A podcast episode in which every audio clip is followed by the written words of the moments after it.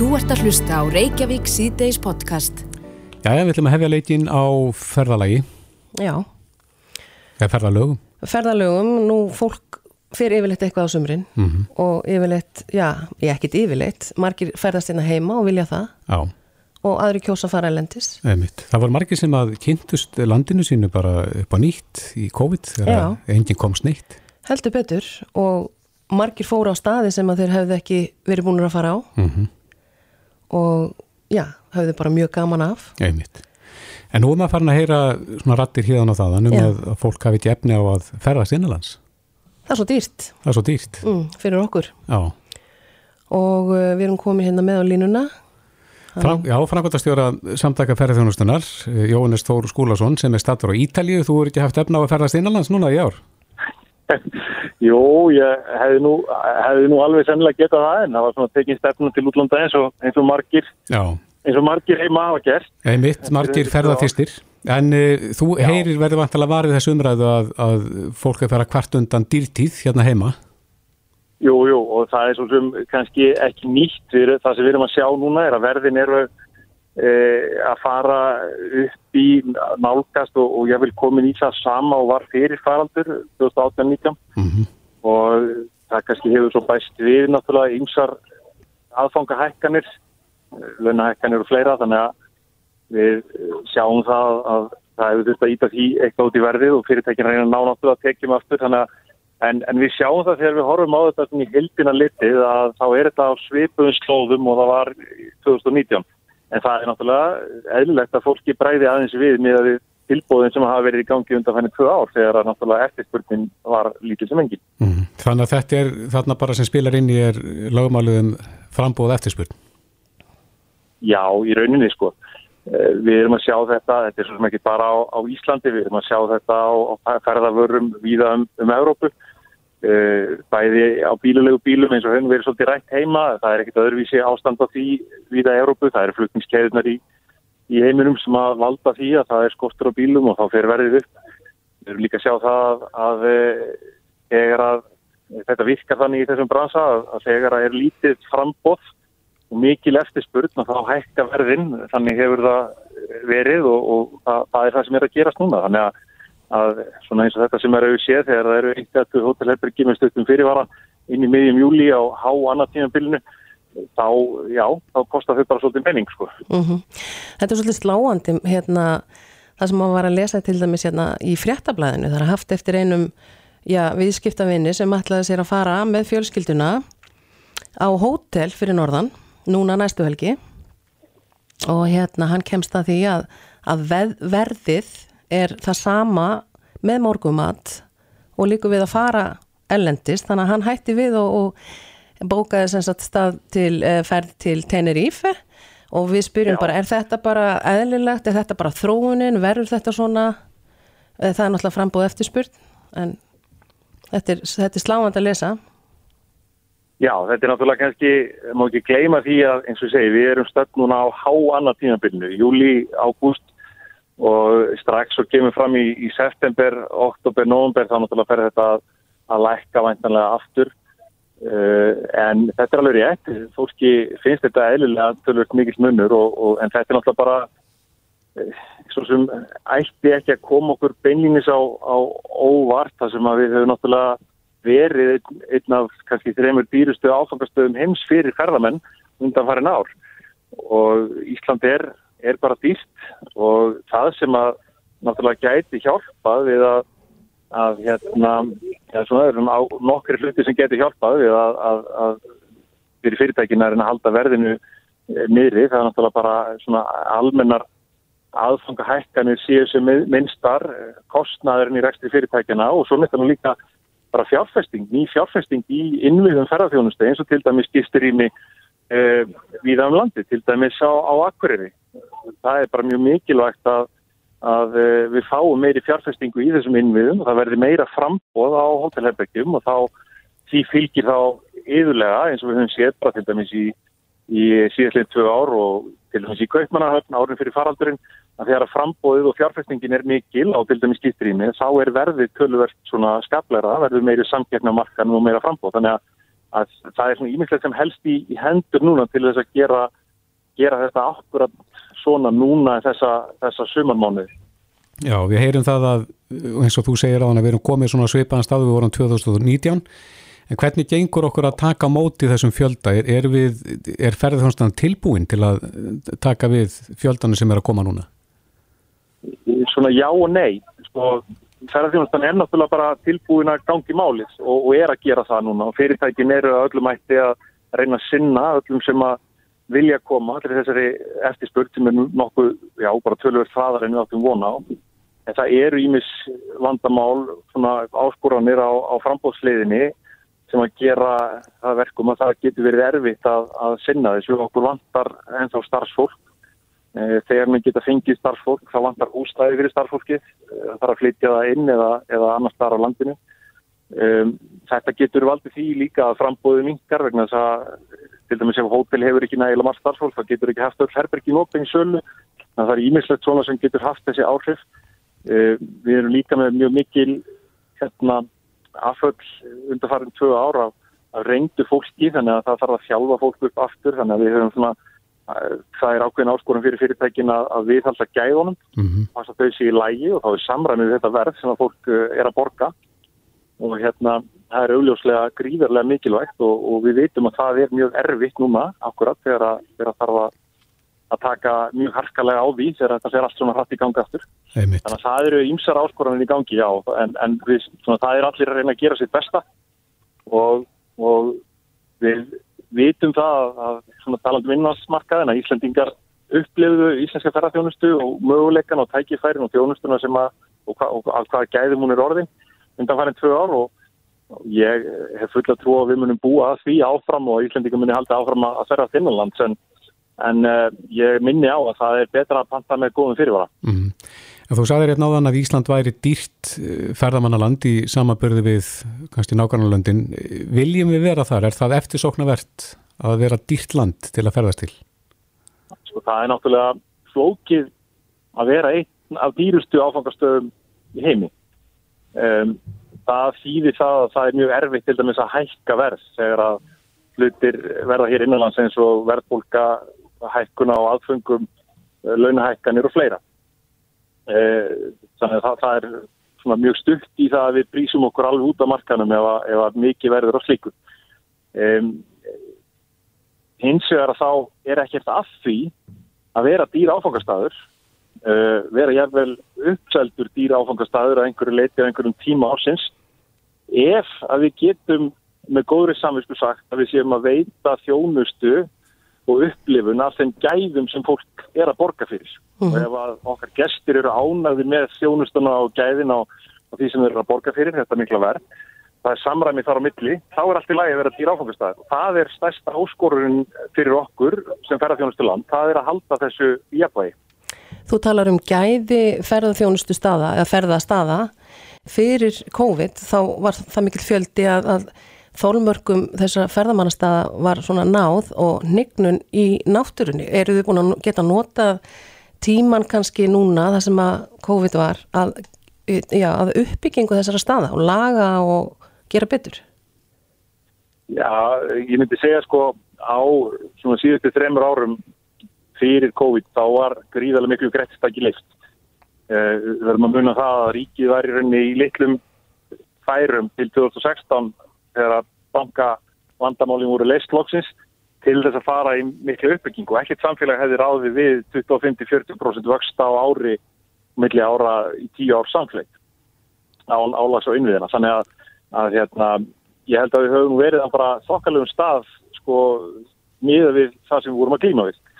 E, það hefur verið notað tíminn svona sumuleiti ágætlega e, og ég vonast til þess að, að við munum halda því áfram og það er, það sem er gott í því er að það eru held í allir sammóla um það að við viljum auka verðmætið en við viljum ekki endilega auka fjöldan, það er ekki sérstaklega markmið um, og við viljum reyna að gera þetta eins og við getum. Þarna eru stjórnvöld, atvinnugrein og almenningur algjörlega sammóla held ég um það hvert við viljum stefna. Það er sjálfbær ferðarfjónusta sem er í sátt við land og þjóð.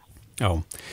Jóhannes Þór Skúlason, frangvöldastjóri samtaka ferðarþjónustunar. Við sendum bara bestu okkar til Ítalju, farið varlega þarna úti og kæra þakki fyrir spjallið. Kæra þakkir. Þú ert að hlusta á Reykjavík C-Days podcast. Það máli sem var til umræði hér í bítun í morgun en uh, þar þángamætti móðir uh, 18 ára gammallar stúlku sem er fjölfölluð og uh, sko varða 18 ára núna fyrir stjæmstu sem að þýðir að hún fer þá er ekki lengur bann og, og þá breytast bótaflokkanir en uh, hún lísti þarna í morgun því sem að við höfum margóft heyrt, það er að segja. Viðmót sem að fólk fær meðal hans hjá sjúkratryggingum og tryggingastofnun. Fólk sem er í endalusu stappi við, við þessar stofnanir og það er spurning hvort að Þurriður Harpa Sigurðardóttir formar örkjabandalagsins hafi heyrt slíkar sögur eins og, eins og við, komdu sæl Já, komið sæl.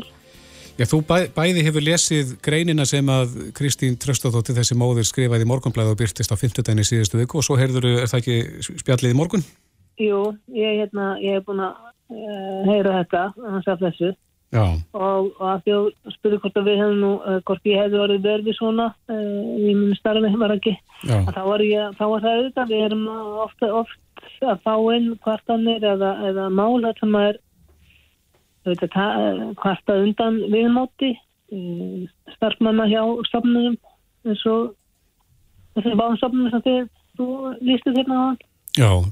E, Það sem við heyrum og það sem við stynjum svona á í þessum lýsningum er að fólk sé endalust í barningi, það er að segja upplifið sig svona sem anstæðing kerfisins.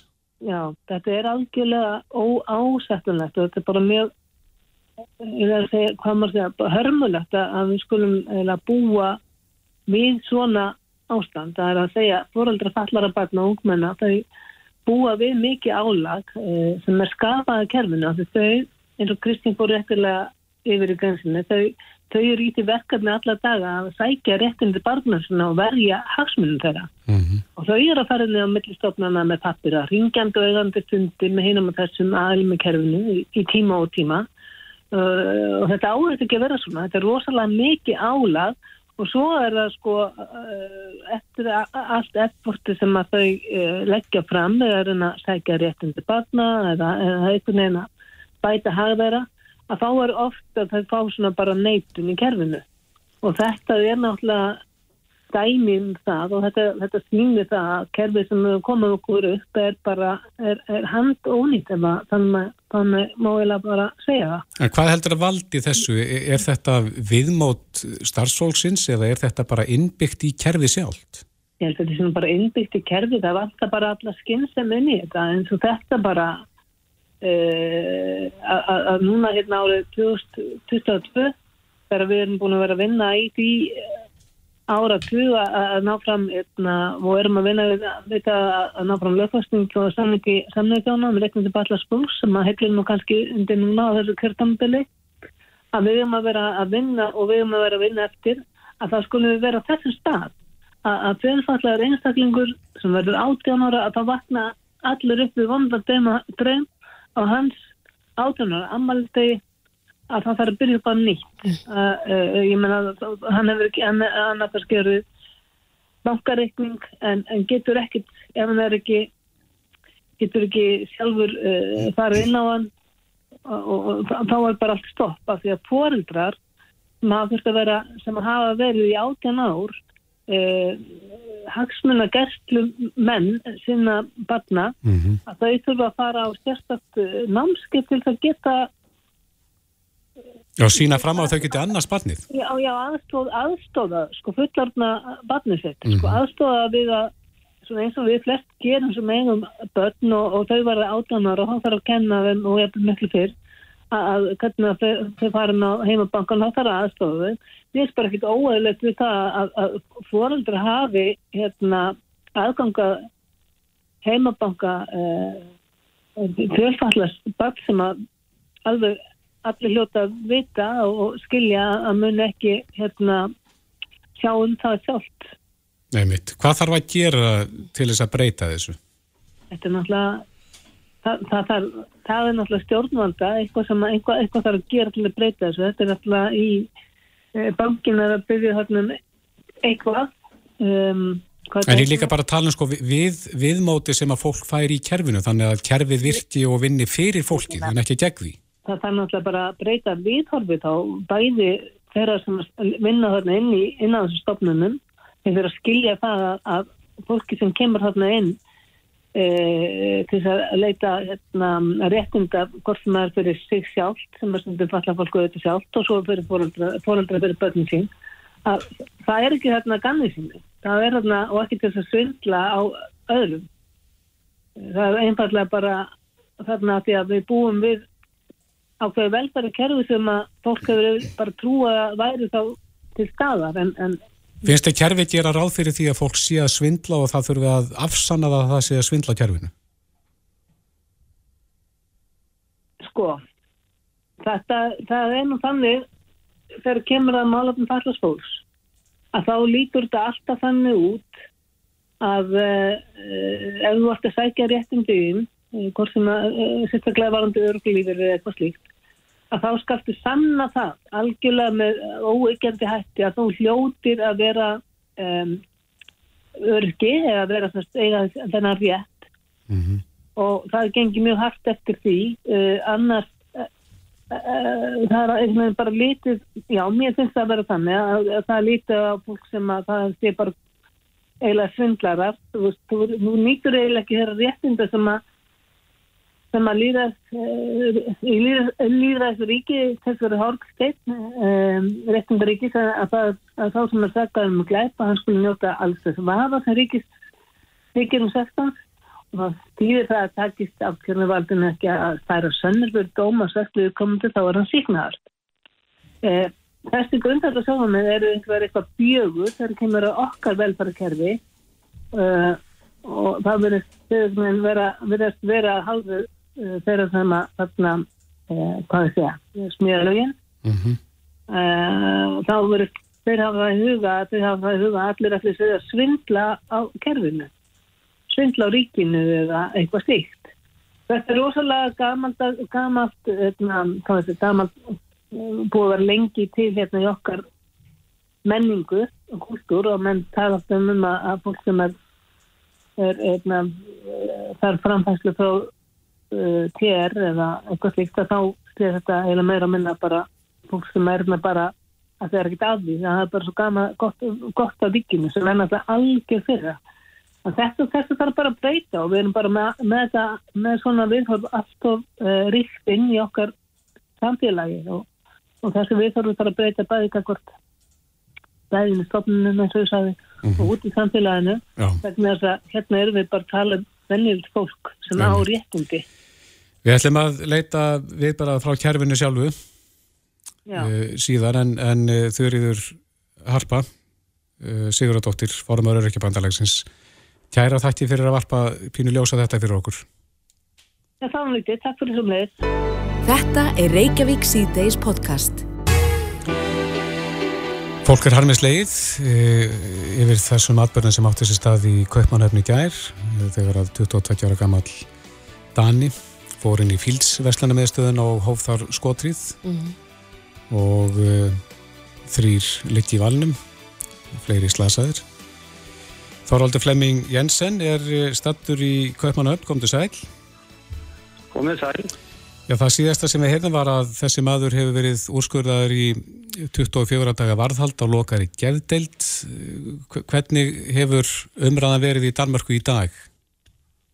Já, þetta er náttúrulega búið að vera svona dagur þar sem menn er að vakna upp uh, bara í uh, sko halgjörðu áfalli eftir þetta mm -hmm. í, í gerðkvöldi og, og og uh, allir fylgjast auðvitað mjög náðum þessu í fréttum en svo var hann sem sagt leitið fyrir dómara í dag klokkan eitt og, og dendur þar í, í gæsluverð eins og segir á lokaðri uh, geðdeild sem er reyndar ekki plás á þannig að hann er í, í vennilegu gæsluverð þanga til að vera hægt að koma komunum inn á uh, lokaða deild.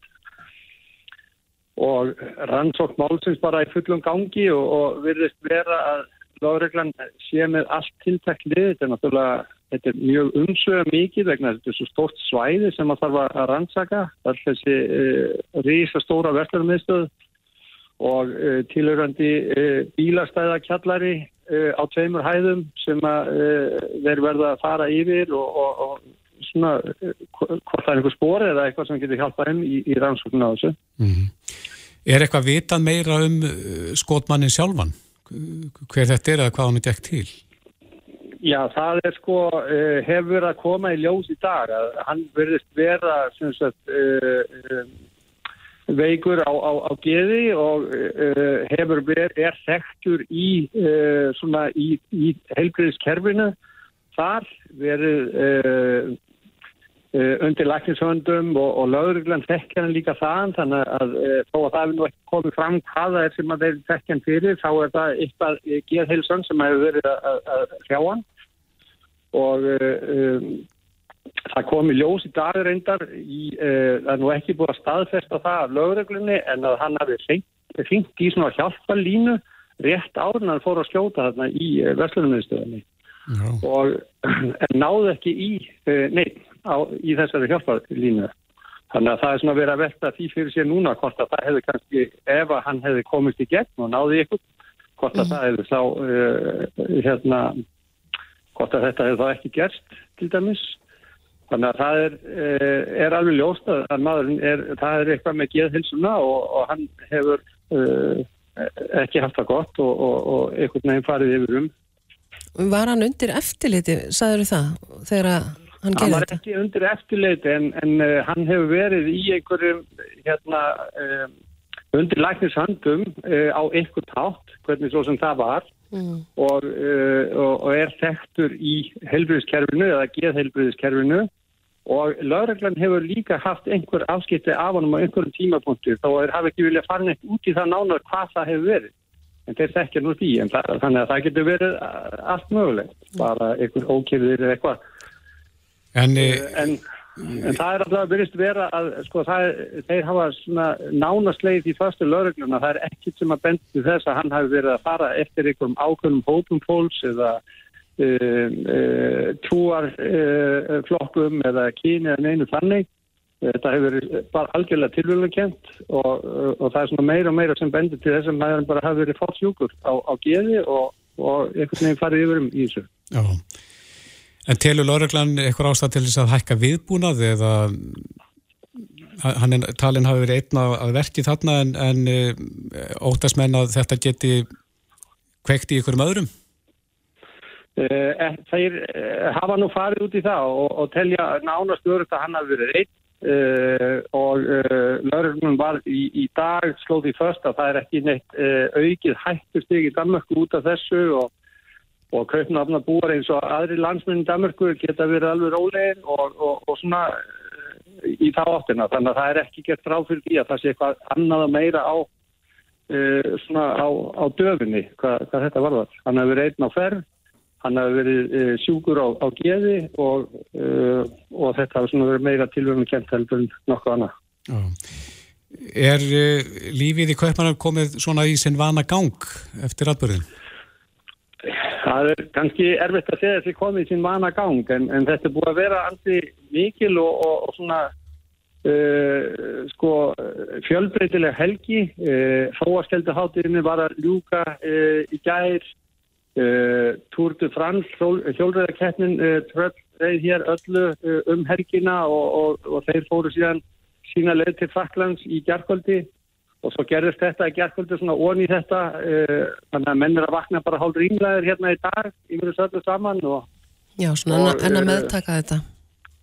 Enn að meðtaka þetta en hins vegar þá kom nú annað hérna flugstjórar hjá SAS fóru í verkvall í dag og, og það hefur svona svolítið tekið yfir hérna e, yfirskriftir í, í, í, í fjálmunum e, hérna setjumbattin eftir og um leið og þessi maður þarna fóru í gæstuvarðhald og þá var svona búið að ljúka ákveðnum kalla þar. Mm -hmm. og, og þannig að menn eru svona núna að spái hvernig það er komast í sumaflýsaldið en það eru þetta óhugur í fólki og þetta er alveg óhugnulegt þetta eru tíu manns sem hann náða að, að skjóta og og þrýr eins og, eða þrjú eins og sagðir í, e, líki í valnum og, og, og þrýr alvarlega slasar á sjúkrási og svo er fjórir og þrýr sem að fengu einhverja, e, einhver lítils ár eftir þessu skot. Já. Er búið að taka út eða tala um þátt lauruglunar? Er hún ekki talin að hafa staðið sér vel í, í þessum aðstöðum? Já, það hefur nú ekki verið talinni sérstaklega um það. Ég, þetta er bara, þeir eru svona komast út úr þessu kási í rauninni, má segja, sem að var en voru, uh, það var mikið þeim og vistust það var góða stjórn á öllu þessu og, og hann tóku mannin mjög fljótlega eftir þetta gerðist og Snöggjar á staðin? Já, snöggjar á staðin og, og, og með allt sitt lið og mhm. rúmlega það. Þannig að uh, það hefur ekki verið neitt svona verið að fara í það en það uh, sínist mann ekki verið neitt ástæð til þess heldur að fara eitthvað að þetta fingur út í það. Nei, akkurat. Þorvaldur Flemming Jensen, uh, þú ert á legin á tónleika það ekki? Ég er að fara á tónleika. Ólaf Ernar. Já.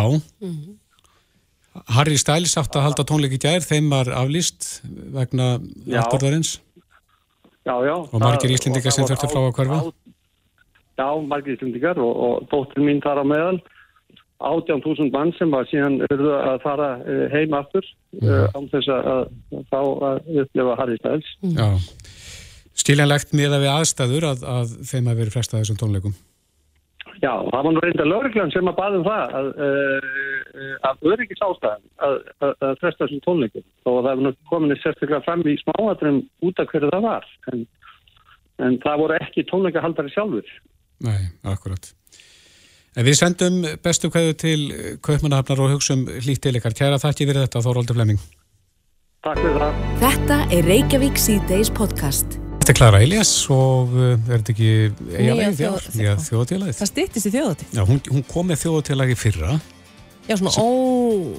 Bara sitt eigið, já, óumbert, en, en mér fannst það eiginlega bara eitt besta eiginlegið í langan tíma. Þannig að það er eiginlega tvö. Já.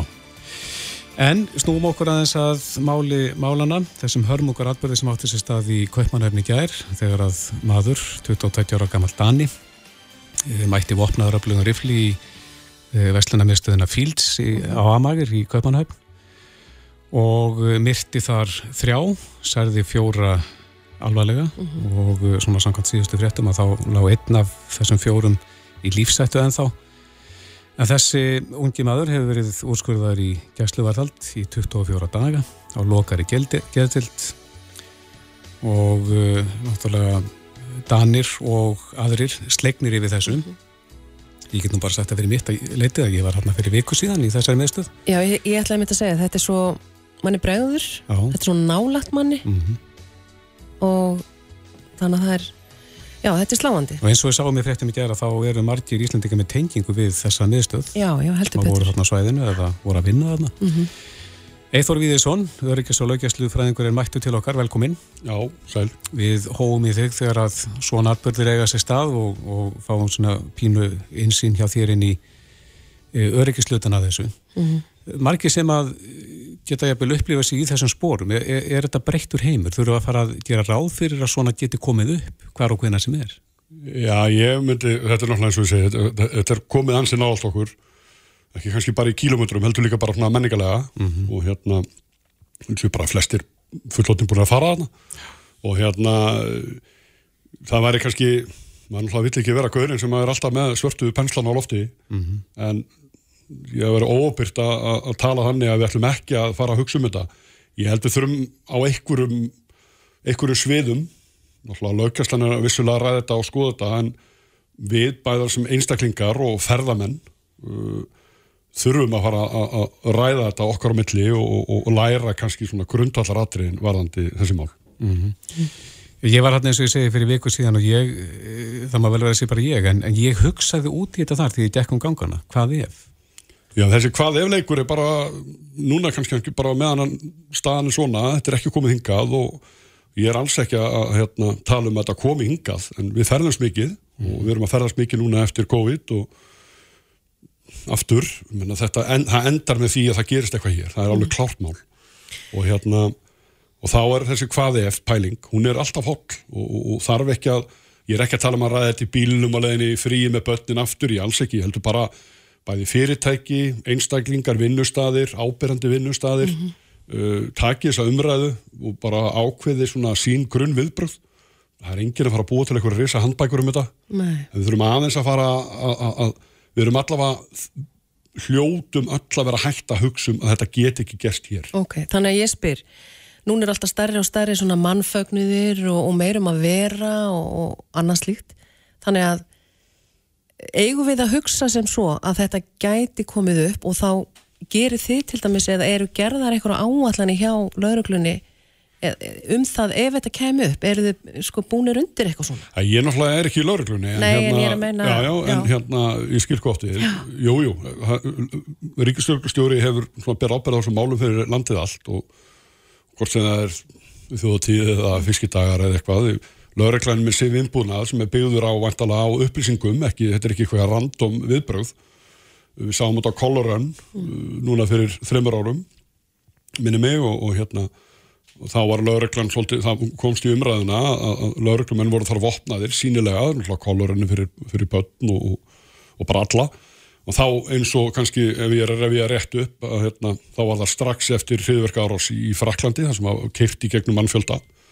Og það er bara ábyrða hlutu lauruglu, þetta er hlutverk lauruglu þar að taka tillit til svona atvika, að veri mjög ábyrgt að gera ekki ráð fyrir því að, að, að einhver fái hugmyndir, annarkort á Danmarku eða Nóri núna nýlega um að skafa kannski bara handahófi eða skafa ákveðna já, hvort það eru konur eða samkynniðir eða einhverjir bara mm -hmm. og hérna og þar sem að það fólk kemur þá saman hvort að það er í kringlunni, Smáralind, Kollarön fiskidagar, þú veist, ég þú er ekki að nefna á mikið, en skiljið, bara þar sem að fólk kemur saman og örfitt með að flýja. Já. En aðeins að þessari veslanumist og þessari árásatna í gæri Kaupanahöfn, uh, ef að fólk finnur sér í þessum aðstæðum, það er að segja, er statt eitthvað starf inn í svipuður rými og eitthvað svona skotljóð heyrast, Hvern, hver eru réttu viðbröðin? Sko, nummer eitt er náttúrulega að skilja kannski, skilja kannski íslenska svona hugsun eftir bara. Þetta, þetta getur alveg gerst. Og þá er, þú heyrir hljóð sem þú þekkir ekki, fæstir þekkja skothljóð. Og hérna og þá er bara svona, ekki bara, bara að fara að hugsa þetta sé eitthvað vél sem er að bila eða eitthvað bakslag úr bíl eða eitthvað hljóðs heldur bara, ok, þetta er eitthvað hljóð sem ég þekk ekki það er fólk farið að öskra, mjög rattvandalega og mjög fljótt. Hvað getur gert? Númer eitt er náttúrulega að flýja þá er bara að hóra kringu sig. Það er alltaf gott að lappa inn í vestunum mistu í Danmarku eða eitthvað á Ítalíu eða eitthvað og horfa hans í kringu sig hvort þið er. Og það er ekki að býða eftir einhverjum áætluðum eða ætluðum skotkvöllum það er bara fínt að vera svolítið svona það sem kallaði situation awareness. Það er bara aðeins að vera meðvitaður um og meðvituð um, um umhverju sitt. Neyðarútganga neyðarútganga, neyðarútganga bara, já ok, þetta virkar svona, þetta eru tveimur hæðum og hérna, og taka bara aðeins stöðuna annarkort bara sjálfur eða sjálf eða bara með makanum. Og hérna, engin ástæð til að tala um börnin, við börninu um þetta nefnum séu þeim eldri. Mm.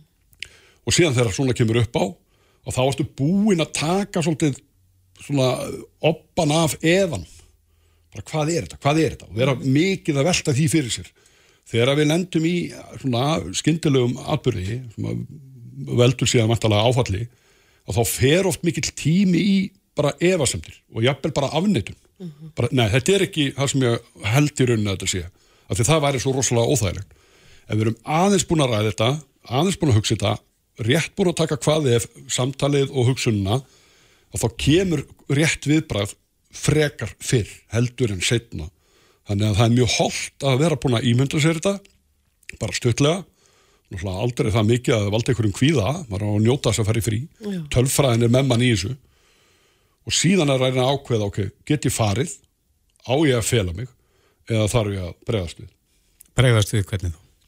Já, það er svona þetta þrengt, það er að, það er að flýja, mm -hmm. fela sig eða berjast Náttúrulega, ef þú komin í þannig aðstæð, þá er náttúrulega bara spurningu líf og dauða, þannig að í rauninni kannski svolítið skrítið að ræða það í útvarpi en mm -hmm. fyrst og fremst náttúrulega bara fara og þá fara bara sem fyrst mm og ef þetta er eitthvað annað eitthvað, eitthvað, eitthvað leikur, eitthvað tölvu eða bara eitthvað þá stendur kannski bara frutan Fields í Danmörku og er pínuð kjánalegur eða kjánaleg að því að þú lappaði rætt út mm -hmm. að því þið leist ekki átt að hljóð ok, þá ferður bara aftur inn já. en láttu þig og þín alltaf njóta af afans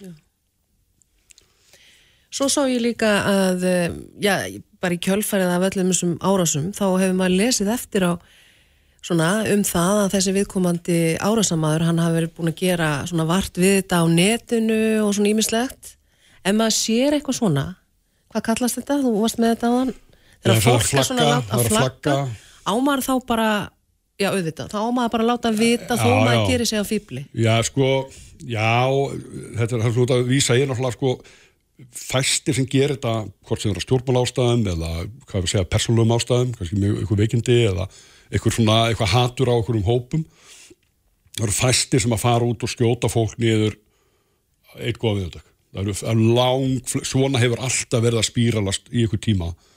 Ekkert endilega langan tíma, en eitthvað tíma. Og það sem að þessi, allir þessi samfélagsmiðlar og allir þessi plattform fyrir tjáningu sem við höfum annur heldur en einhver fyllir í í einhvern kjallaríbúðum eins og var kannski fyrir 40 árum að þá er alltaf einhver að lesa þetta og það er ekkert endilega alltaf allir sem eru sammálaðir. Mm. sumur eru sammálaðir, þú vantar að reyna að halda þig þar þar sem að svona, þú færði ákvætt feedback við þessu tali hvort sem það er gegn konum eða gegn útlendingum eða gegn einhverjum hópum eða gegn stjórnmálamönnum og, og pólitíkinni að þá er mér mikilvægt að ef að ég sé að, við múttum bara búið til dæmi ég sé að frændi minn talar svona á netinu á Facebook og finnst mér allt í lagi að flaggan ég myndi gera það. Ef við værum hann að tala um skotvopn og hemd eða skotvopn og árás og þessi á rétt af því að þetta, þetta fólk á þetta og ég veit kannski að hann er ekkert alveg endilega í allt og góðri stöðu líka sko, bæði andlega og bara félagslega og annars líkt ég hlýt að leggja saman 2 og 2 og vonandi fæði fjóra og þá bara sjálfsagt að flagga viðkomandi. En er ykkur úrræði? fyrir fyrir utan að svona- hlæfi, ég veit hann á skotvopn. Já, já, ég mitt En er ykkur úrræði fyrir í svona málum? Já, en áttu komin út í eila aðra umræðu sko, er hérna, já, ég menna, ef að lögregla fær flöggun á einstakling sem er að tala svona á netinu, þá er þetta að fara allavega að aðtúa hvað hann er að tala um.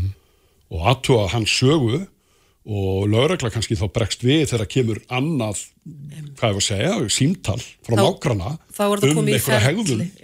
og þó nú líklara að lögregla bregðist fyrir við heldur en eða kemur alveg úr, úr, á vinstarkantinum og enginn veit neitt og það er hverki flaggað á viðkomandi. Ég myndi allavega að halda þetta myndi virka betur þannig að láta vita að lögreglan getur þá bröðist fyrir við. Já. En ég þeimist að núna eh, í tvöstifti með stuttum millibili erum við mynd á það að hvað þetta er nálagt okkur og uh, ágætt að hafa þetta bak veirað það sem við förum. Já, við þurfum að fara að taka þessa umræðu bæði okkar á milli. Lögreglan vissulega er og hlýtur að vera að skoða þetta núna, sérstaklega í sambandi við copycat og eftirhermu klæpi. Og við þurfum líka bara að fara að skoða þetta inn á stórum vinnustöðum sem eru ábyrjandi, verða jafnvel ábyrjandi í umræðu í stuttan tíma og draga aðtikli fólk sem að hefur sína skoðanir, sína sterku skoðanir, uh, er með kannski einhver undirleikjandi vanda, hvort sem það er áfengið eða eitthvað annað og hefur aðgang á skótum eins og eiginlega bara langflestir íslendingar hafa. Já.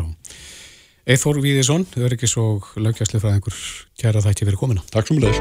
Reykjavík síðdeis á Bilginni podcast. Hefja leikinn á ferðalagi, já. eða ferðalögum. ferðalögum, nú fólk fyrir yfirleitt eitthvað á sumrin og yfirleitt, já, ég ekkert yfirleitt margir ferðast hérna heima og vilja það Já, og aðri kjósa að fara elendis einmitt. Það var margir sem að kynntust landinu sínu bara upp á nýtt í COVID þegar enginn komst neitt. heldur betur og margir fóru á staði sem að þeir hefðu ekki verið búin að fara á Mm og já, hefðu bara mjög gaman af Einmitt. En nú er maður farin að heyra svona rattir hérna og þaðan um Já. að, fólk hafi ekki efni á að ferðast innanlands. það er svo dýrt Það er svo dýrt. mm, fyrir okkur Já.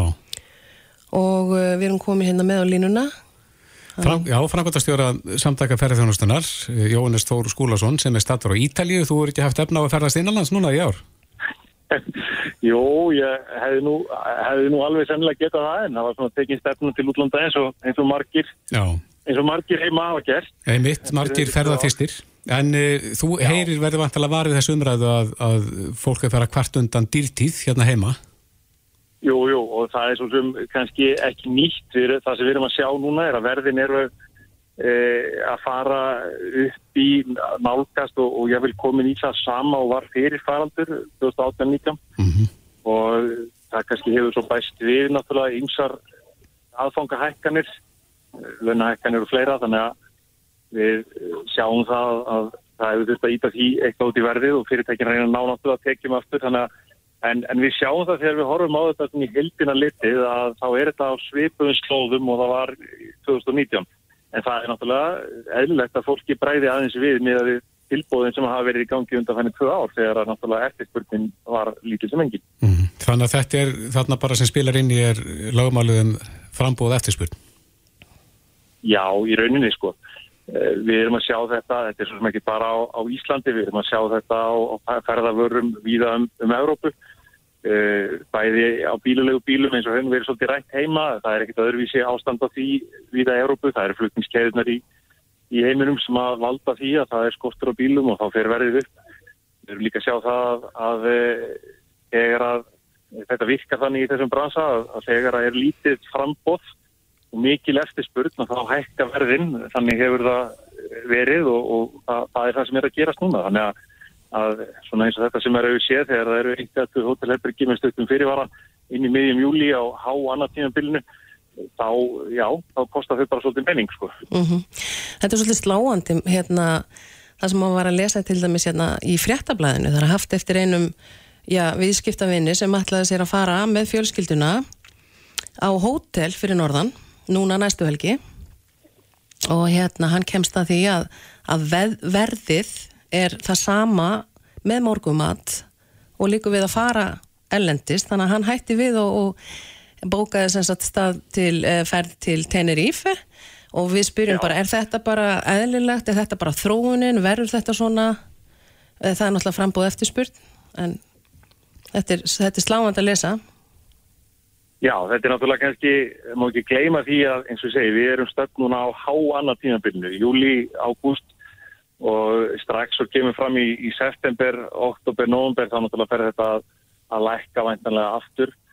Uh, en þetta er alveg rétt, fólki finnst þetta eðlilega tölvöld mikil munur og, og, en þetta er náttúrulega bara uh, svo sem ætti ekki að koma okkur beinlýnis á, á óvart þar sem að við höfum náttúrulega verið einn af kannski þreymur dýrustu áfangastöðum heims fyrir ferðamenn undan farin ár. Og Ísland er, er bara dýst og það sem að náttúrulega gæti hjálpað við að, að hérna, ja, svona er nokkri hluti sem geti hjálpað við að, að, að fyrir fyrirtækina er að halda verðinu niðri, það er náttúrulega bara svona almennar aðfangahækkanir séu sem minnstar eh, kostnaðurinn í rekstri fyrirtækjana og svo nefnir líka bara fjárfesting, ný fjárfesting í innviðum ferðarþjónustu eins og til dæmis gistur íni eh, viða um landi, til dæmis á, á Akureyri. Það er bara mjög mikilvægt að, að eh, við fáum meiri fjárfestingu í þessum innviðum og það verði meira frambóð á hótelherbergjum og þá því fylgir þá yðurlega eins og við höfum séð bara til dæmis í, í síðastlega tvö ár og til dæmis í Kaupmannahöfn árin fyrir faraldurinn að þegar að frambóðið og fjárfestingin er mikil á til dæmis skiptrými þá er verðið tölverst svona skapleira, verður meiri samgefna markan og meira frambóð. Þannig að, að það er svona ímyndilegt sem helst í, í hendur núna til þess að gera, gera þetta akkurat svona núna þessa, þessa sumarmánuði. Já, við heyrum það að eins og þú segir að við erum komið svona svipaðan staðu við vorum 2019 En hvernig gengur okkur að taka móti þessum fjölda? Er, er, er ferðarþjónustan tilbúin til að taka við fjöldanu sem er að koma núna? Svona já og nei. Sko, ferðarþjónustan er náttúrulega bara tilbúin að gangi málið og, og er að gera það núna. Og fyrirtækin eru öllum ætti að reyna að sinna öllum sem að vilja koma til þessari eftirspurt sem er nokkuð, já, bara tölverð hraðar en við áttum vona á. En það eru ímis vandamál, svona áskoranir á, á frambóðsliðinni sem að gera það verkum að það getur verið erfitt að, að sinna þessu. Okkur vantar ennþá starfsfólk. E, þegar maður geta fengið starfsfólk þá vantar hústæði fyrir starfsfólkið það þarf að flytja það inn eða, eða annars þar á landinu. E, þetta getur valdið því líka að frambóðu mingar vegna þess að til dæmis ef hótel hefur ekki nægilega margt starfsfólk þá getur ekki haft öll herbergi nópeng sölu. Þannig að það er ímislegt svona sem getur haft þessi áhrif. E, við erum líka með mjög mikil hérna afföll undarfærin tvö ára af reyndu fólki þannig að það þarf að þjálfa fólk upp aftur þannig að við höfum svona það er ákveðin áskorum fyrir fyrirtækin að, að við halda gæðunum mm -hmm. þess að þau sé í lægi og þá er samræmið þetta verð sem að fólk eh, er að borga og hérna það er augljóslega gríðarlega mikilvægt og, og við veitum að það er mjög erfitt núna akkurat þegar að, þegar að þarf að að taka mjög harkalega á því þegar þetta fer allt svona hratt í gangi aftur. Einmitt. Þannig að það eru ýmsar áskoranir í gangi, já, en, en við, svona, það er allir að reyna að gera sitt besta og, og við vitum það að svona talandu vinnasmarkaðin að Íslandingar upplifðu íslenska ferðarþjónustu og möguleikan og tækifærin og þjónustuna sem að og, hva, og að hvaða gæðum hún er orðin undan farin tvö ár og ég hef fulla trú að við munum búa að því áfram og Íslandingum muni halda áfram að ferra Finnlands en, en uh, ég minni á að það er betra að panta með góðum fyrirvara. Mm.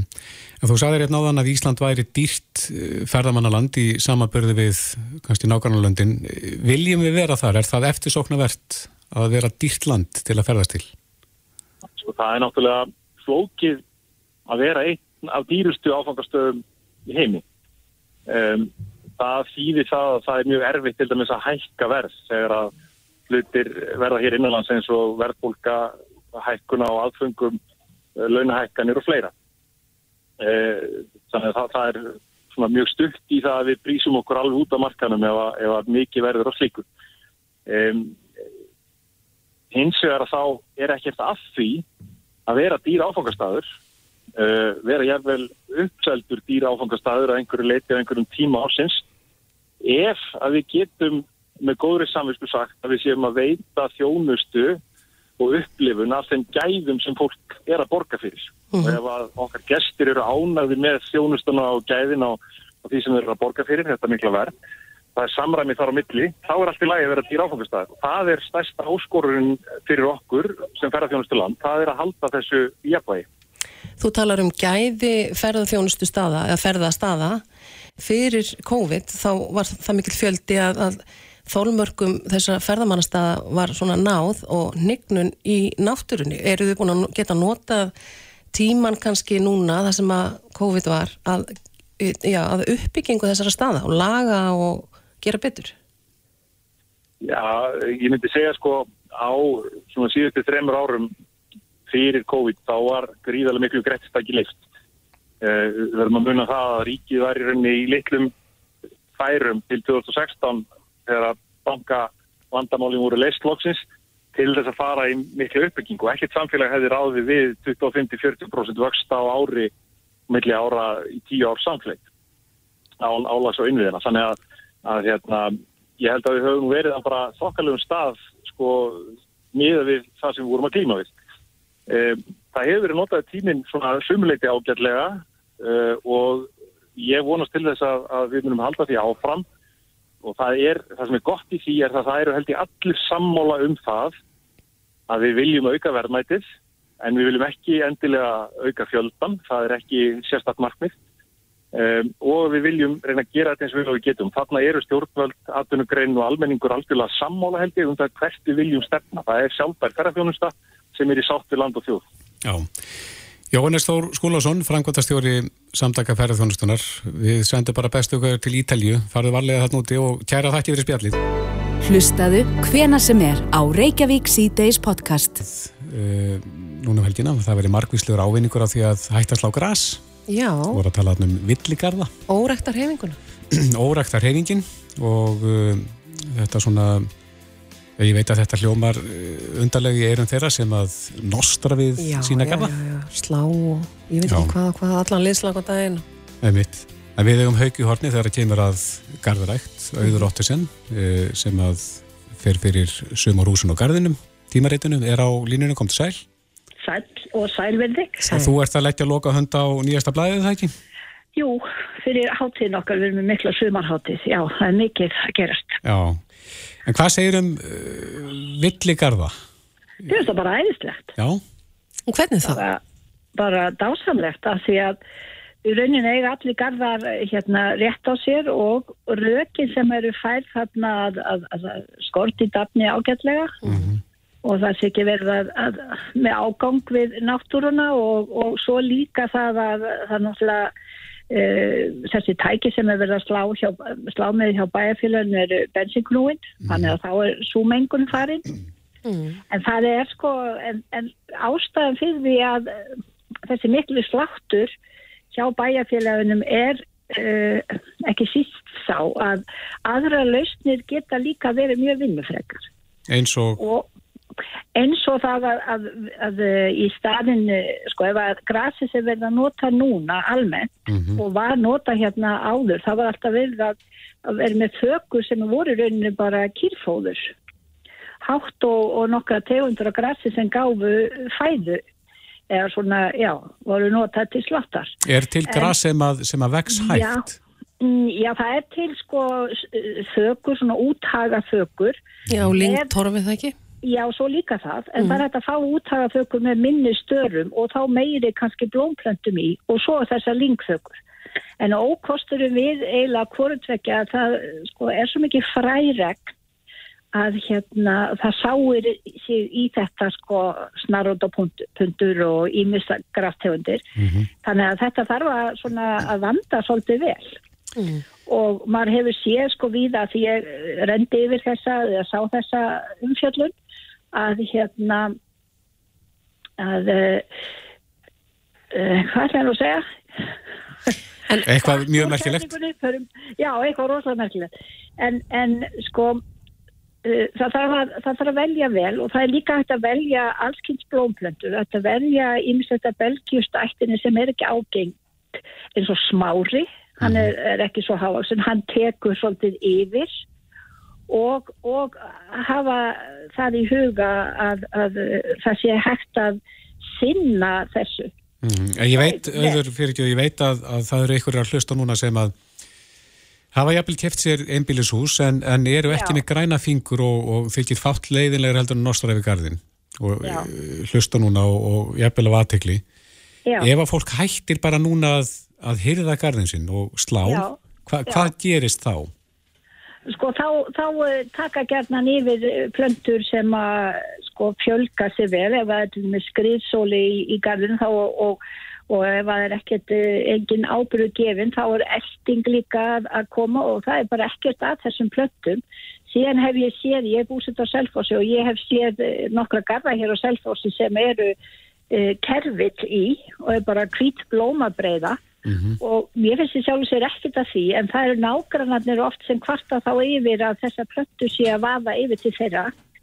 Og þess vegna er þessi uh, tilringur gagvart villigörðum en mér finnst yndislegt að sitja sko bara í grasbreiðunni á borði sko uh, grasi sem er nær manni upp á kalfa eða lengra. Það er ekkert, við finnst bara ekkert að þessu. Nei, en nú langar mig að spyrja sko, með því að hætta að rekta garðin sinn, svo maður segir Já, það í orðsins fylstu, já. E, er þá e, möguleik á því að það komið þetta blóm eða jurtir eða plöntu sem að voru annars eða eru annars í útrýmingahættu? Þannig að við erum að sjá kannski eitthvað sem við höfum ekki Það séð í... mér- Nei, það held ég að eh, sko sé mjög litla líkur af því. Af því að það er ekki svo mikið að frægi af náttúrulegu blómplöntu sem eru upp á hálendi eða, eða til heiða. En, en hérna uh, og er ekki að sá sig svona inn í byggð ég held að það sé, uh, sé litla líkur af því. Og síðan er yfirleitt í svona görðum uh, næringar góð mold eða ekki snöytt, það tekur þá mjög langan tíma svona náttúrulegu gróður að taka yfir. En það geta alla þær plöntur sem sá sig, þú getur fengið nætufjólu sem er svona garplanta sem sáu sig mikið og sporasólei og, og svo kemur náttúrulega njóli og fýblar og sólegar. Já, já. Þetta getur allt vaksið í, í, í bland og svo var þarna róða fývill í þessu, þessari grein þarna og þetta getur verið afskaplega fallegt og það eru margir sem að, og er algjört til dæmis sem við séum svolítið í Suður Svítjóð, að það eru mikið með bara blóma engi. Lavend er það náttúrulega aðaplantan en þrýstilla hér en, en hérna sko þá, þá gæti tekið við bara svona blóma engi. Ef að, ef að sveitafélagin fær nút í þetta eh, að einhverju marki að, að hætta að, að slá, Já.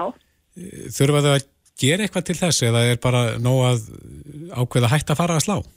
Já, já, sjálfur sér er það, uh, er það alveg hægt að gera þannig og mér finnst sko vera svolítið pjatt í okkur að, að vera að slá allar þessa manir sem að eru svona í jæðri og við hraðbrötis. Það týrkast ekki erlendis og þetta fær bara að vaksa og, og, og allir sætta sig bara við það. Við erum með, með einhverjar eh, svona, eitthvað í kollinu sem við viljum haft, eh, eða flestir hafa svona spikkan spann og við erum svo langt frá því að vera eitthvað umhverfisvæn. Já, Við, við erum alltaf að vaða í þetta og líka, mér finnst mjög gott að við fyrir að huga að því að vera að nota bensinvélar og það er eitthvað. Mér langar líka að spyrja, þú talaður um eldingun áðan sem að kemur svona Já. óvelkomin í, í beð þeirra sem að hugsa vel um blómabeðin sín og hana. Já. e, e, sko, þetta er illgressi en þá Já, spyr sko, ég er hvað er í rauninni þú talar um að þetta sé allt fallegt hvað er fallegt illgressi þá?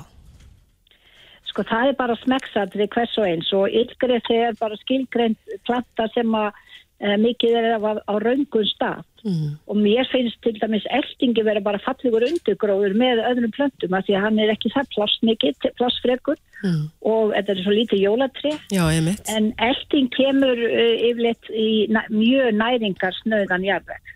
Já, svona, send, svona sandur sendin Já, og bara fókjarveg, hann er algengastur þar og rótakerfið er í nokkrum hæðum, það er mjög djúft Já. rótakerfið og Mér- það er svona er svo erfitt að uppræta það. Mér langar að spyrja þig líka hérna eitt, e, nú er talað um að lúpina sé vesti óvinnur okkar, það var nú bara þegar ég var bann, þá voru við látin sá þess út um allar jærðir, núna er verið að reyna að hérna, útrýma þessu, hvað finnst þér um Já. lúpinuna? Mér finnst hún falleg.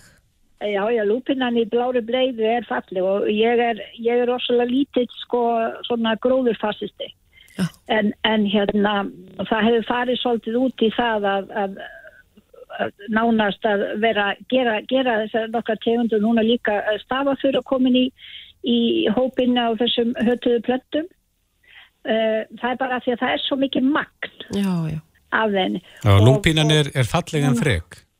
Já, já, hún, er, hún, er, hún, er, uh, hún tekur bara yfir og, en hún hörvar og, og það er á eins við skóakerfilin sem kemur þá í svörðin þar sem að lúpinan er komið með búin að búa til næringaríkan jarðveg, þá kemur kvönnin og, og, og þetta eru sko í hópu tíu hötustu plantna, það var gerður ansókn á þessu.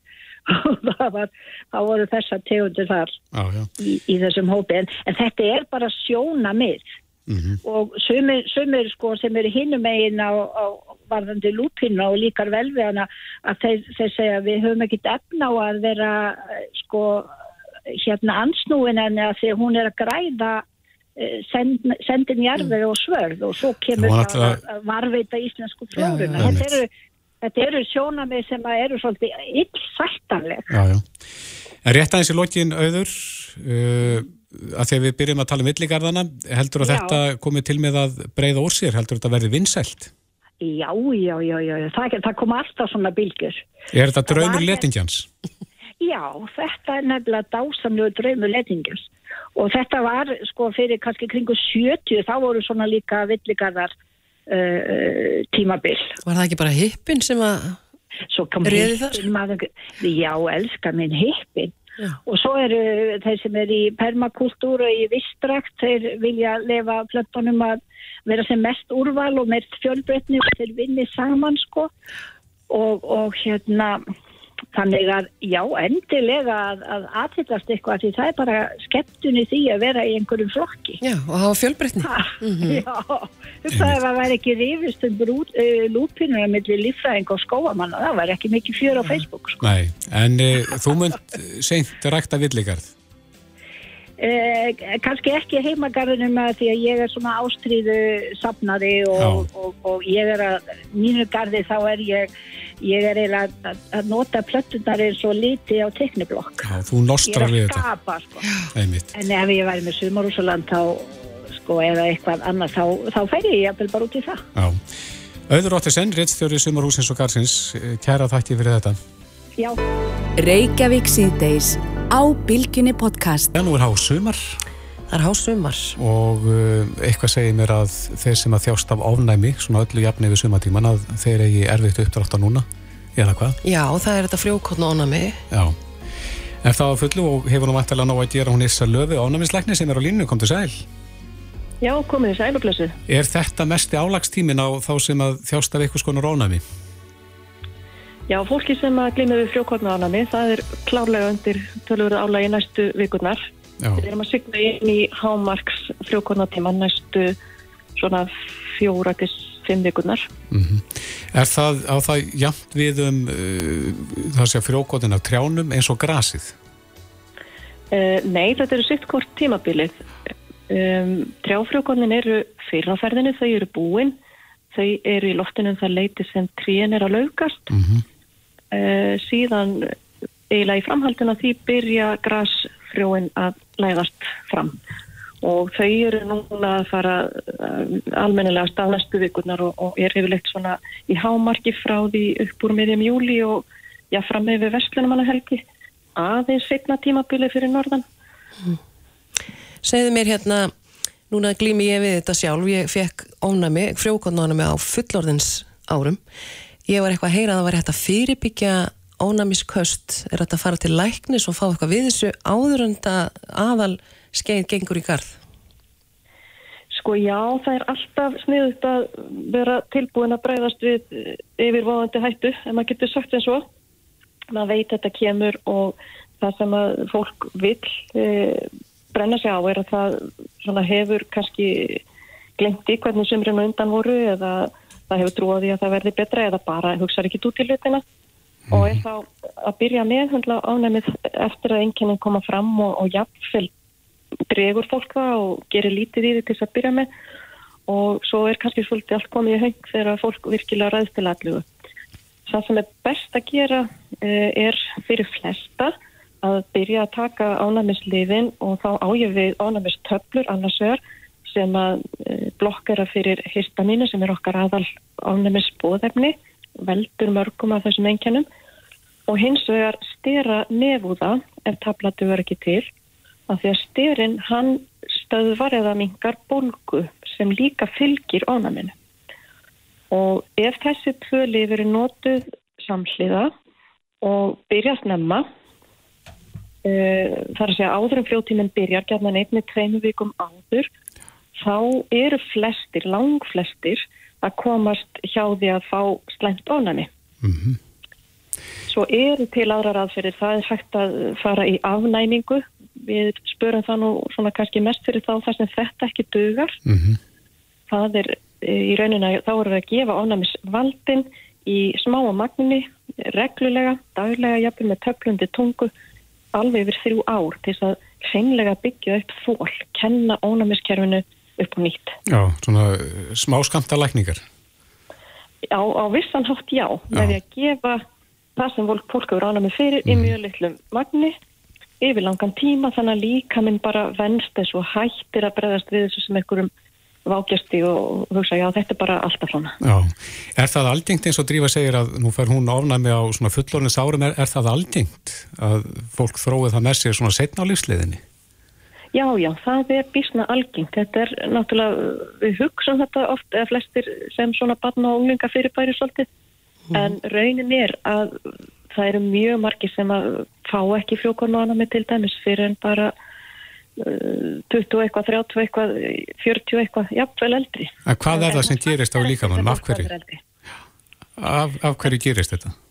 Þetta er stór spurning sko og ég kann ekki alveg svara við því en það eru margir samverkandi þættir af verki. Í, fyrsta lagi þá þurfum við að hafa ákveðinar erðir, það er ákveðin gen sem gera það verkum að vera líkleri til þess að fara að bregðast svona við sakleysum þáttum. Þannig að þetta er mjög arfgengt og í öðru lagi þurfum við að vera útsett fyrir ánæmisvaldinum, eitthvað sem aldrei hefur verið neinstadar í sama umhverfu og kvartur fær ekki kattánæmi. Mm -hmm. uh, á Ítalið fær fólk ólífitrjá ánæmi, ekki við, við fáum byrki frjókorna ánæmi. Þannig að það er ímstir svona þættir og, og svo er eflaust fleiri breytur. Uh, kannski aukast líkunar ef maður er einmitt akkurat lasin með veikast límhúðir akkurat þegar frjóttímin er í hámarki. Það er endalur svona spurningar og þetta er samsett á mörgu. En ég er líka forvitin að vita uh, þeir sem fá ofnami á gammalsaldri segi ég, uh, jafn skindilega að það byrjar, er von um að þú bara hættir með ofnamið eins og að fáta? Já, Já. Það er alltaf von. Um, það er algengt að ánæmi mildist með árunum gerir ekki alltaf og þess vegna erum við nú að setja fólk í þessar annamismæðferði sem ekkit virðist gefa sig hjá. En það er alveg ákveðin hópur þar sem einkennin fara mikandi og alveg við því að búast og, og, og sumir fá bara frjókotnáðanum í 2-3 sumur og, og svo aldrei meir. Mm. þannig að það er ímislegt til í þessum að það getur sem sagt mynda þetta fór Þannig að það er von Það er von, það er alltaf von. Það er gott. Meðan maður lifir það er von. Mm -hmm. En að það er annað tímabil núna sem að hefur kannski verið talað svolítið um núna undanferna ár, það er lúsmýjar tímabilið. Er, er það að koma inn að borð til því núna þetta árið? Já, ég fæ alltaf eitthvað af fólki sem hefur lent ítla í lúsnýjunu. Þannig að þetta er náttúrulega tómleiðindi en þetta er ekki eiginlegt ánæmi. Þetta eru bólgu viðbröð, hérna, heftaleg bólgu viðbröð við í rauninni eitrinu sem að flugurna skilja eftir í stungusárunu. Mm -hmm. Og þetta er bara svo erstandi að það kemur svona mikil bólgumyndun og stundum alveg bladra mm. og mikil bólga sem getur náðun langt út fyrir stunguna. En aðri sem að þetta kannski eh, virkar ekki eins á? Já, það er einstaklingsbundin viðbröð. Já. Ertu með góð ráð fyrir þá sem að lenda mjög illa í lúsmiðbyttum? Á að setja klaka á þetta? Ég var að heyra það. Já, sko, kæling deyfir. Hýta áreita á húðina, kæling, deyfir, hýti getur dyft og svo eru svona kláðastillandi, ánæmistöflunar eru kláðastillandi þannig að þær gagnast sem kláðastillandi þó að þær drægi ekki úr bólgunni. Uh, fólk getur nota sterakrem, virkar kannski ekki hjá þeim alverstu. Sumir geta þurft að fara til læknis og fá bara stera töflur til þess að ná þessu nýður ef, mjög, ef fólk er mjög illa haldið, ef þetta mm. er mikið. Og svo náttúrulega þetta hefðundna að reyna að klæða sig þannig að þetta nái helst ekki Mm, í húðina að hafa viftur inni af því að þetta er svo lítil flug og hann getur ekki flóið ef það er einhver vindur mm -hmm. og setja net fyrir nóg þjætt net fyrir glukka til dæmis Já Ég heyrði í morgun í bítun að Lilja Katrín eh, var einmitt að tala um hún reyndi ímislegt til að slá á þennan kláða og það Já. sem virkaði besti á henni var að hýta skeið Já upp úr sjóðandi vatni og, og setja sig að ná bytt sárið Já Já, þarna ertu bara að deyfa í rauninni með hýta. Akkurat. Eh, Hýtt er að deyfa með kulda. Já, einmitt. Þetta er ákveðin bara deyfing, sko. Já. En þeir sem að þjást af ánæmi núna, þeir þurfa að býta þessu jakslinn og, og, og beita sínum ráðum til þess að slá að helstu engin. En hvað er þetta tímabil lengi viðbót, segiru? Fjókotnað. Já, eða grasið núna, eða ekki? Já, grasfrjókurnána með hérna í Reykjavík, þá endist það nú svona fram í miðjan ágúst og kannski eitthvað rúmlega það getur teikt, uh, alveg teikt sér fram í lóka ágúst. Mm. Uh, fyrir norðan þá getur þetta varat fram í miðjan september. Já, þetta er svona fram yfir slátt. Já, það er sko. Já, Já, akkurat. Þannig að það eru nokkra vikur eftir Já. og eiginlega hámarstími þannig að ég hvet alla sem eru með frjókurnána og, og glíma eitthvað við óþægenda ráði að taka núna upp ánæmistöflunar og ef það er ekki duga bæta stera nefnsbreyði við og jáfnveg luktrópum og taka þessu bara alvarlega og fyrirbyggja eins og þið geta. Einmitt. Írsa Löfi, ánæmisleiknir, kæra þakki fyrir spjallið. Takk sem er leiðis og hafið það gott í sumar. Ekki missa af neinu. Reykjavík síðdeis á bylginni. Jæja, Reykjavík síðdeis heldur áfram þegar fyrir nú stýtta sérna endan en eh, við ætlum aðeins að stjalla okkur út í umferðina. Já. Ég lendi nú aldrei síðan um daginn. Nú? Ég ætlaði bara ekki að komast að heimann. Að heimann? Já, bílið mig var bara fastur í yngjuslinni. Já. Því að aðalæðin upp í hverfi var bara, þar voru ungir menna að malbygga. Já, já, þú komst bara ekki út. Ég komst bara ekki að heimann. Nei, nei. En við heyrum það að fólk er svolítið að velta því fyrir sér þessa dagana, það sem að það er nú svolítið um malbygguna framkvæmdir hér og þar. Já. Af hverju þetta er ekki gert á nætutna þegar, þegar að trafíkin er ekki svona mikil eins og hún er svona, sérstaklega núna og setjabartin? Á línu G. Pétur Mattíasson, upplýsningafulltrúi hjá vegagerðinni, kom til sæl. Já, komið sæl. Já, þetta er klassísk spurning á þessum ástíma. Já, hún kemur alltaf. Við, við erum nú að, viljum nú byggja vegfærandum að sína okkur þóli með því að þetta er nöysileg verk og, og eins og allir vita og, og hérna og þýrstum að gera miklu meira því og tæfja menn miklu meira. Mm -hmm. vilja við held að við honum meira. En uh, varðandi hverfið hjá hann drífið þá held ég að sko við erum ekki mikið að vinna á nóttun í uh, nála tíbóðarbið og væntalega hefur þetta verið Reykjavíkuborg þannig en, en, en við viljum ekki vinna á nóttunni og halda vöku fyrir fólki, það er eitt aðriði mm -hmm. Og svo er þetta náttúrulega bara svolítið mikið púsluspill uh, við erum að vinna mjög mikið á nóttunni. Eh, þarna var þetta metið svo að, að þetta myndi eh, sletta til eða mm. þannig að tafinnar er ekkit gríðarlegar en það er alltaf einhverjar, það er bara þannig og ekkert hægt að komast hjá því. Og þetta var sex tíma verk áallega og þeir opniðu nú skiltnir um hálf þrjú þannig að þeir voru svona hálf tíma undan áallin og þetta er þá gert þarna, þarna á, á þessu rútarinn að vera þarna milli álagspunktana snemma mótnana og síðan sítiðsumferðin. Mm En þú segir að þið eru eitthvað í því að vinna á nætundum. Hvaða verk eru það? Það er, ég er nú ekki með það allt saman í kollinum en, en, en það er mjög mikið unni á nóttunni líka. Það eru malbygguna framkvæmdir þá? Það er malbygguna framkvæmdir, já. Já. Bæði á okkur og borginni held ég líka.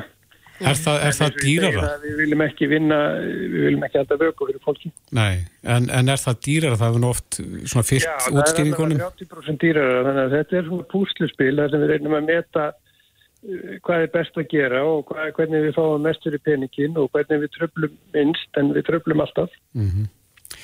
En hvað með tæknina, Pétur? Að nú eru margir komin við svona fullkomin GPS-tæki sem er jafnvel tengt við Google Maps og þá teikna þau upp uh, sko fljótfarnari leið ef það er eitthvað, stopp eða framkvæmdir. Eru þið eitthvað að nýta við- þetta?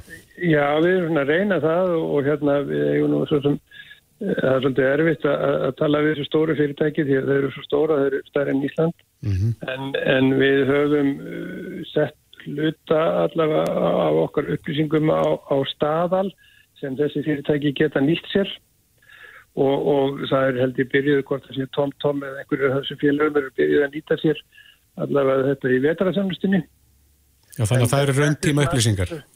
Já og þeir raunverulega þeir, þeir búa sér til þessar upplýsingar með því að fylgjast með símanuðinum þannig að þeir sjá umferðina og þeir sjá umferðarhraðan og þeir sjá umferðarmagnið og, og, og reynlega bara rekna þetta allt saman út á nokkar aðstofar en við erum svona vinnið í og það er svona langtíma markmið og langtíma verkefni hjá okkur að, að koma frá okkur upplýsingum þannig að þessi fyrirtæki takið upp og nýtir sér þau og, og við erum, erum löðastæði þá vegferð. Hvernig er almennt ástand vega núna? Er, þetta hefur verið mjög hólótt, maður hefur séð þetta. Er mörg verkefni á ykkar borði núna fyrir sumari? Já, já, já, það verður, það verður nú eitthvað unnið en, en það er, við erum með minni fjárveitingar heldur en í fyrir sumar. Fyrir sumar gerðu við reynda mjög mikið, uh, þannig að það verður nú eitthvað minna umleikist fráttur allt í sumar. Og eins og við segjum, við myndum nú vilja gera miklu meira og hérna, til þess að hafa þetta sem best en, en margir komu, vegir komu frekar ítla undan metri. Já, einmitt. Já. En uh, hvar eru þið stattir núna varandi malbygguna framkvæmdir? Hvenar, hvenar líkur þessu? Aldrei. Þetta er eiliða verkefni? Þetta er algjörsteiliða verkefni, já, já. Nei, nei, það, er, það verður verið að vinna einhver staðar í, í allt sumar, en, en ég er ekki bara, er, er nú ekki alveg svo vel að mér í því nákvæmlega hvernig dagskráin er. Nei. En ég reikna með því að það verður áfram og svo náttúrulega spilar veðrið líka alltaf inn í, þannig að menn gera áallinir, en, en, en við erum guðnir að þeir segja stundum annað. Já. Já. Við hvetjum náttúrulega nummer 1 og 3 fólk til að fara varlegin fyrir henni og gefa sér tíma. Það, það er Já, þessi framkvæmda tími. Og fylgjast með á heimasíðun okkar, það er, er bæði auglýst og, og síðan er yfirlit á heimasíðinu hvar eru framkvæmdir og, og, og hvar maður búast við framkvæmdum þannig að, að menn svona geta kannski aðeins reynd að skipuleggja sig út frá því. Já. Ég Pétur Mattíasson, upplýsningafulltrúi vegagerðarinnar. Kæra þakki fyrir þetta. Takk sem við leiðist.